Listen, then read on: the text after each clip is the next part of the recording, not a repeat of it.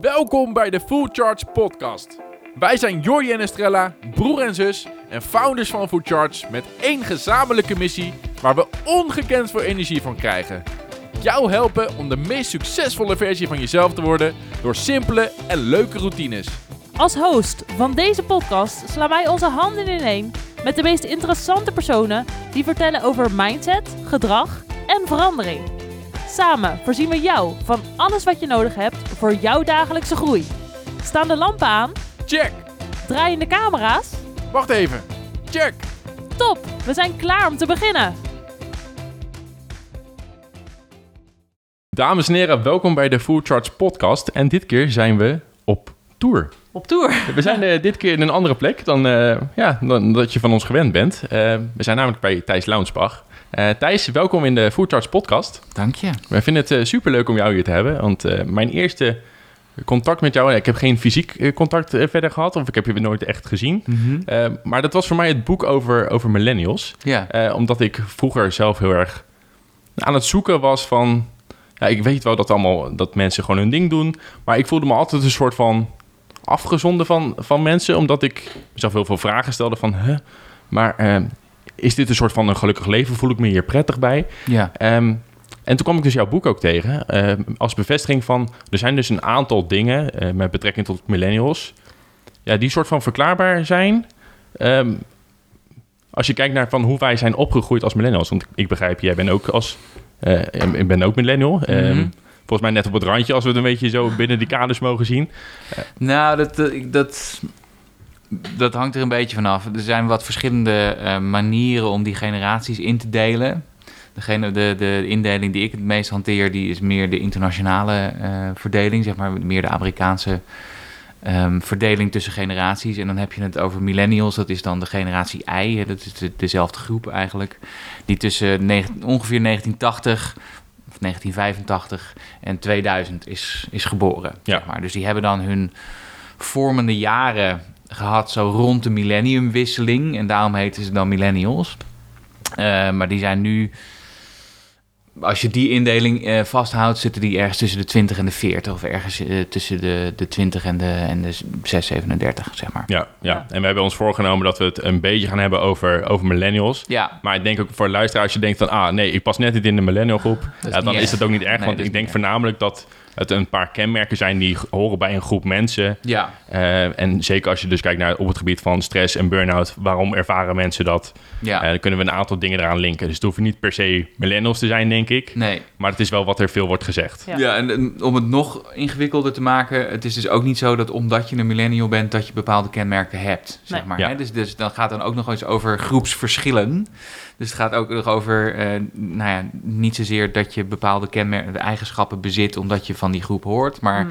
dat omdat je toevallig op dat moment geboren bent, heb je gewoon wat meer kans om bepaalde kenmerken te bezitten. Daar komt het eigenlijk eh, Mhm. door. Ja, het, zijn niet echt Dus- het lijkt nu een soort stempels die op je hoofd dus worden gezet van dus- jij bent dit. Ja. Dus als je wel millennial bent en je hoort het en je denkt, ik kan me daar helemaal niet in vinden, dan, dan kan dat dus ook heel goed. Ja. Ehm, dan zegt dat meer iets over de groep waar je toevallig toe behoort, maar niet zozeer over wie jij daar als individu binnen bent. Oh ja. Dus er zitten nogal wat haken en ogen aan. zoals Ja, ja. Ja. Ja. Mooi. Ja, goed dat je dat ook benoemt. Ja. Ja, en een boek over millennials schrijven, ja, dat, dat doe je niet zomaar. Daar- moet een bepaalde reden achter zitten. Eh, Ja. wat was voor jou die reden en, en die interesse om daar iets over te gaan schrijven en om daarmee bezig te zijn?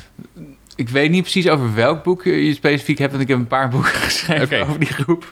Ehm, maar eh, dat, dat is inderdaad, dat heeft wel te maken met, eh, nou ik ben psycholoog en dat, eh, ik maak me soms wel zorgen over de mentale gezondheid van, van jongeren op dit moment. Mhm. Eh, en als je het dan hebt over jongeren, dan heb je het dus over millennials, dat zijn zeg maar de jonge studenten, zeg maar die leeftijd, maar ook de generatie Z die daar nog eh, onder zit, tenminste die nog jonger is dan Ja. dat. Ehm, en nou, ja, daar, zie je wel een aantal dingen gebeuren. Bijvoorbeeld wat je zegt met, met betrekking tot stress of met burn-out of met angst of perfectionisme of dat soort, dat soort eh, thema's. Waar ik me wel zorgen over maak. Ehm, Dus eigenlijk dingen die te maken hebben meer met, met psychologische weerbaarheid of mentale weerbaarheid. Ehm, nou ja, ik denk dat de druk gewoon op die groep vrij hoog is. Ja, Ehm, en eh, ook wel de, de verwachting, de al dan niet uitgesproken verwachting om iets groots en meeslepends met je leven te doen. En Mm. er iets heel belangrijks van te maken. En eigenlijk ook het- de verwachting dat als je niet Beyoncé-achtige levels van perfectie of, of prestatie haalt, dat er dan iets mis met je is, zeg maar. Dus, dat, Mhm. dus dat, ik, denk, ik denk dat dat soort dingen wel, wel meespelen. En daarom, nou, ik maak me gewoon best wel zorgen om wat gebeurt er nou als je zo'n groep op die manier opvoedt en dan heel veel eh, mentale druk oplegt. Ehm, Ja. eh, en nou ja, wat dat betreft vind ik het ook niet zo heel gek dat je daar dus heel veel ehm, nou ja, mentale problemen ook ziet. Dus dat, eh, dat is de reden daarachter. Ja, dus een van die kenmerken dat is eigenlijk proberen te voldoen aan een ideaalplaatje. Ja, Omdat altijd alles maar is gezegd van je kunt alles maken van de wereld. Je hebt alle vrijheid, ja. alle keuze. En dat is, is dat het grootste Ja, ding Dus waar dan het probleem en, vandaan komt? Je kunt alles worden wat je wil. Mhm. Hè, dat, is, dat soort van de belofte waarmee deze groep over het algemeen is opgevoed. Je kan alles worden wat je wil als je maar goed genoeg kiest. Maar dus ook een behoorlijke verantwoordelijkheid om dan ook maar iets te maken van je leven. En misschien ook wel eh, verwachtingen die niet helemaal kloppen met de werkelijkheid. Want is het wel zo dat je alles kan worden wat je wil? Dat klinkt heel fijn en mooi. En coaches vinden dat fijn om te zeggen tegen mensen. ja, het slaat aan. Ja. Ehm, maar eh, je hebt ook te maken met je eigen talenten en met je eigen soort van hè, je eigen identiteit. En dat je sommige dingen misschien wat minder goed kan dan andere dingen. Ehm, en dat is ook oké, zeg maar. Mhm. Eh, dus dat, ehm, ik, ja, ik vraag me soms af of dat, of dat perfectionistische beeld en dat idee van ik moet alles uit mijn leven halen, want anders doe ik het niet goed. Of dat nou goed doet of kwaad doet. ja. Hmm. En weet je dat niet? Of weet Nou je het ja, wel? ik weet- ja, ik kan net zeggen. De vraag stellen is het eigenlijk al beantwoord Ja. natuurlijk. Ik denk dat we best wel, eh, en dat, dat is ook een van de redenen dat ik wel schrijf voor, de, voor, voor die groep. Ik denk dat, het- dat een van de belangrijke boodschappen die we vaak overslaan is, je mag best wel tijd nemen voor dingen. Of het is best wel normaal als er dingen niet gaan in je leven zoals je wil. Of ehm, het is, eh, hey, eh, bij het leven horen ook teleurstellingen en dat dingen niet gaan zoals je wil. Dus Ja. dat, eh, en, en ook zelfs een burn-out krijgen of in een depressie belanden of een paniekstoornis krijgen of iets dergelijks. Ook dat hoort erbij en maakt je niet gek of maf of afwijkend. Zeg Nee. maar. Nee, Dus- en dat is wel iets wat je steeds meer ziet, vind ik. Dat er gewoon normaal over gesproken wordt. En, en mensen ook steeds meer begrijpen van elkaar. Omdat het toch vaker in een vriendengroep of zo terugkomt. Ja. Maar als je kijkt naar jezelf, je zegt... Ja, ik, ik zie bepaalde dingen gebeuren en daar Mhm. maak ik me best wel zorgen om. Ehm, kwam dat ook vanuit jouzelf dat je ergens tegenaan liep? Of was het meer echt wat je bij anderen zag gebeuren? Nou, ik heb natuurlijk veel geschreven over stress en burn-out. Mhm. Omdat dat een van de dingen is die je bij die groep ook wel heel veel ziet. Andere dingen ook wel, maar toch ook wel veel stress en burn-out. En vaak ligt dat, die stress ook wel onder andere problemen die er kunnen zijn. Mhm. Ehm, maar dat, eh, eh, ik, ik heb nooit zelf een burn-out gehad. Wel heel, ik ken wel heel veel mensen die daar last van hebben gehad. Ehm, heel veel mensen uit mijn omgeving. Maar er zijn ook wel momenten in mijn leven geweest dat ik eh, echt niet zo leuk was vanwege de stress. Of Mm. ook niet wel mijn eigen issues daarmee had. Ja, Of me eh, ongelukkig voelde daardoor. Of, eh, hè, dus ik heb, ik heb er nooit afgelegen met een burn-out. Maar ik heb toch ook wel mijn eigen uitdaging met stress, ja. ja. Ja, en daardoor begrijp je het ook heel goed waarschijnlijk. Ja, ja. Dat Ja, dus ja. weten dat je eigenlijk over je eigen grens heen gaat. En, en, maar dan Ja. toch denken van oké, als ik nog een stapje harder zet, dan gaat het uiteindelijk wel weer voorbij. Was het meer zo'n soort gedachte? Hmm, nou, het is meer dat ik, dat ik daar achteraf over, eh, over aan het redeneren Ja. was. Hoor. Dat ik dacht van, nee, terugkijkend, jeetje mina, dat, de, op dat moment in mijn leven lag de druk wel erg hoog. En ik deed een fulltime baan en daarnaast ook nog een eigen onderneming. En wilde in mijn privéleven ook nog van alles. En Ja. ja, vind je het gek dat je dan af en toe eh, behoorlijk moe bent of... ehm, een, een week lang zaggerijnig, omdat het gewoon allemaal, omdat je achter de feiten aanloopt, zeg maar. Dat, dat, dat hele ding.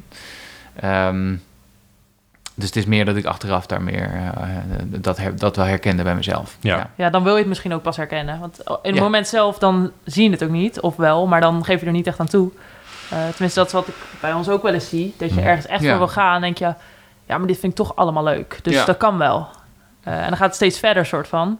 Ja, ja dus ik denk dat daar, daar zitten ook wel een aantal van die ideeën die, waar, waar, waar ik mijn vraagtekens bij zou stellen, zeg Mm. maar. Hè? Dus het, je hebt vaak mensen die zeggen, ja, als je je werk maar leuk genoeg vindt, dan krijg je er nooit stress van of nooit een burn-out van. Nou, volgens mij is dat gewoon gelul. Hmm. Dat, dat is gewoon niet zo. Ook mensen die hun baan heel erg fantastisch vinden, die, die kunnen daar last van krijgen. Ja, Ehm, en ik denk ook wel dat, dat dit precies waar we het nu over hebben, is wel een beetje die fuik waar je dan in zit. Hè? Dus, en heel veel dingen willen en super ambitieus zijn. En misschien ook wel ergens het idee hebben van, ik ben pa- pas wat waard als ik bepaalde prestaties lever. Hè? Als ik daar ben, als ik dat mooie bedrijf heb opgebouwd. Of, hè, ehm, of als ik die prestatie heb geleverd.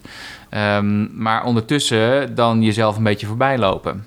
Ja. Eh, en niet genoeg oog hebben voor je eigen mentale gezondheid. Ja. Terwijl ik zou zeggen, zeker als jongere is het ook wel heel belangrijk dat je, dat je niet alleen vol voor die doelen gaat of vol voor die ehm, stip op de horizon gaat, maar dat je ook een manier verzint of een manier ontwikkelt waarop je dat op een beetje gezonde manier kan doen. Zodat je het ook 20, 30 jaar kunt volhouden in je carrière zonder dat je er de aan ten onder gaat. Ja, ja. En je hebt meerdere boeken geschreven. Je hebt heel veel inzichten opgedaan over waar komt het nou door dat we die druk ervaren. Ja. Eh, kan je daar eens wat voorbeelden van geven? Misschien de meest herkenbare voor de luisteraars. Ehm, en voorbeelden van? Nou, hoe het komt dat Ja. een groot deel van ons dus die druk ervaart, eh, eh, moeite heeft met bijvoorbeeld grenzen aangeven, dat perfecte Ja. plaatje willen najagen. Ja. Ehm, ja, dit is zo'n ingewikkelde vraag dat ik hem even een beetje uit elkaar moet plukken hoor. Maar ehm, ik de, eh, ja, dus ik zou zeggen, het, het, het, alleen al het feit dat dit gewoon een, voor, hè, dus de, dat de, de, de levensfase waar wij nu zeg maar in zitten, zeg maar ergens tussen je studententijd en, en je 35ste, 40ste misschien. Eh, dat dat, hè, dat, we weten sowieso al dat dat traditioneel gezien een ontzettend drukke tijd is in je leven. Want dat is de tijd dat je aan het studeren bent, en een netwerk aan het, eh, aan het bouwen bent om je heen en je eerste doelen aan het halen bent en aan het leren werken bent en ook nog vaak een jong gezin of een heel druk persoonlijk leven. Dus dat is op zich niet nieuw.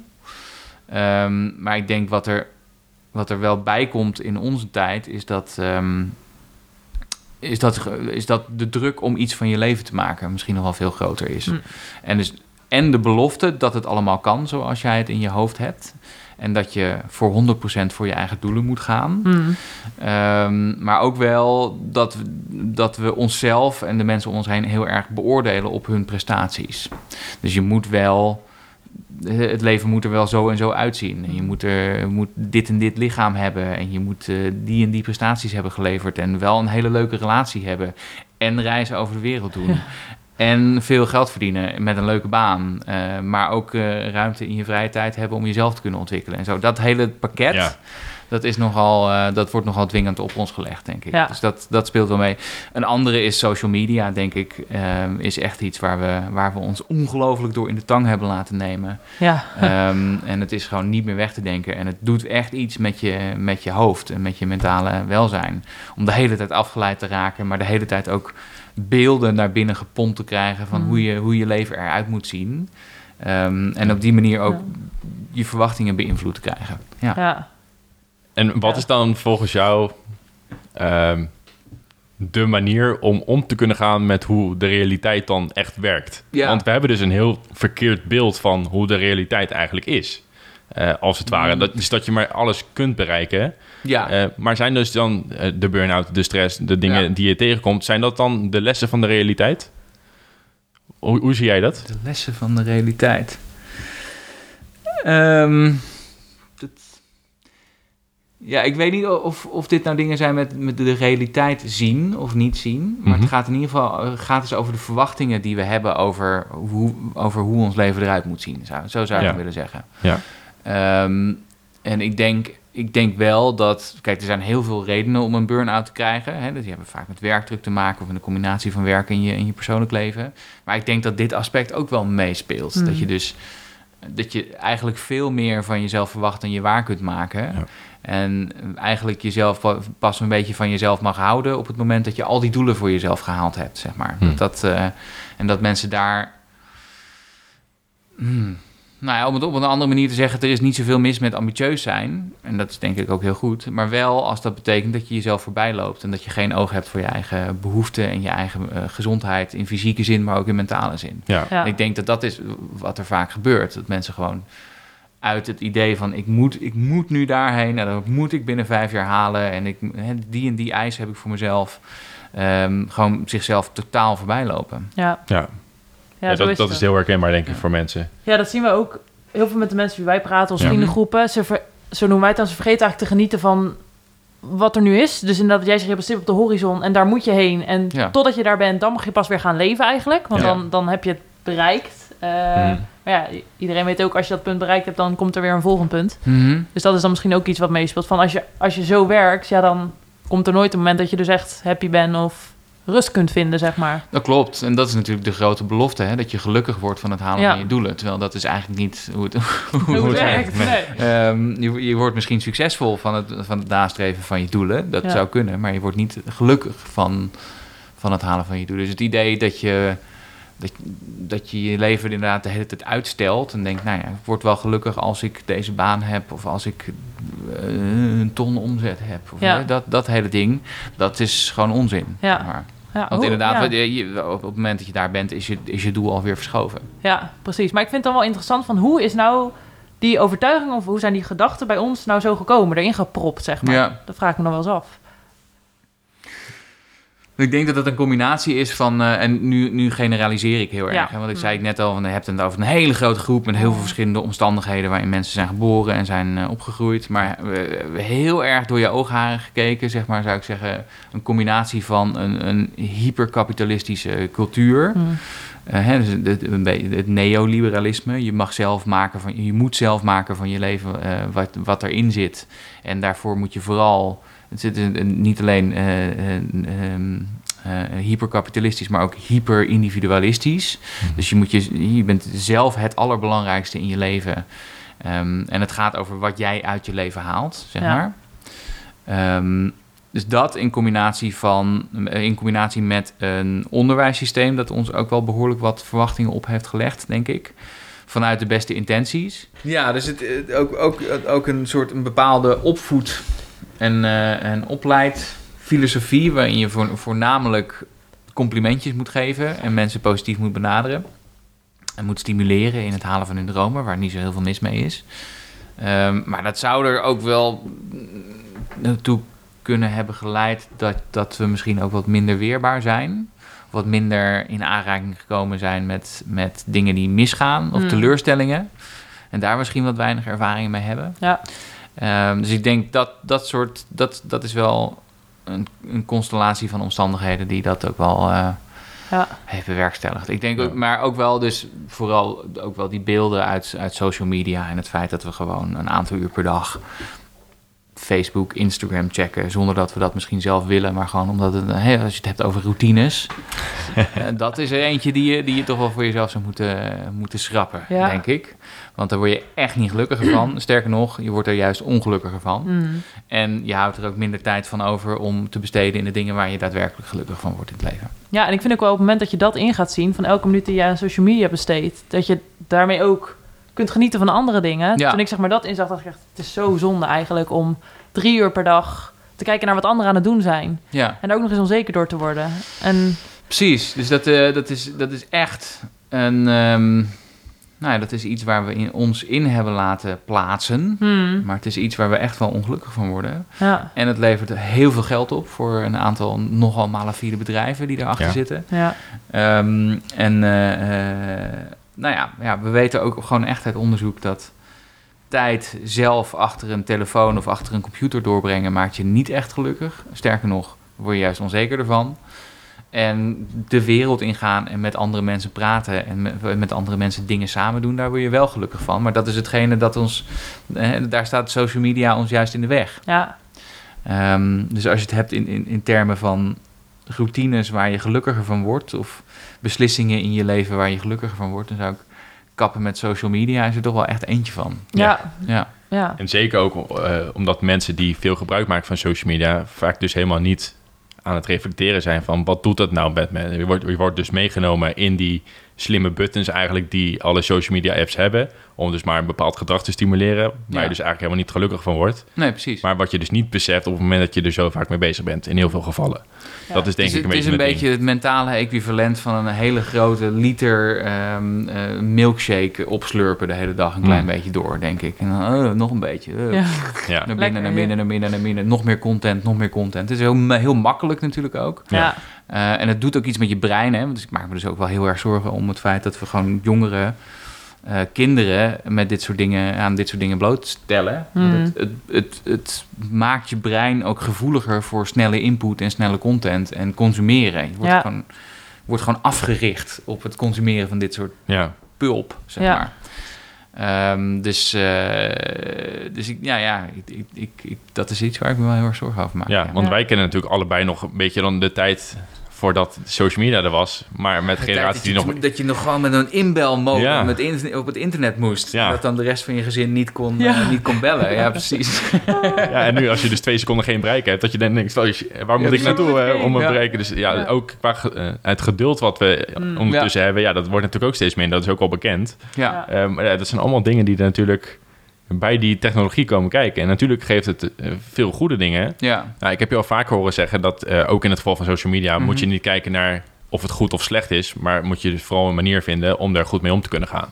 Want dat is wel uiteindelijk, denk ik, hoe je met alle dingen in het leven ook om kunt gaan. Mhm. Eh, dus niet zozeer die scheidingslijn van zwart-wit denken, maar meer van ja, welke tools zijn er en hoe kan je er op die manier mee omgaan. Ja. Ja.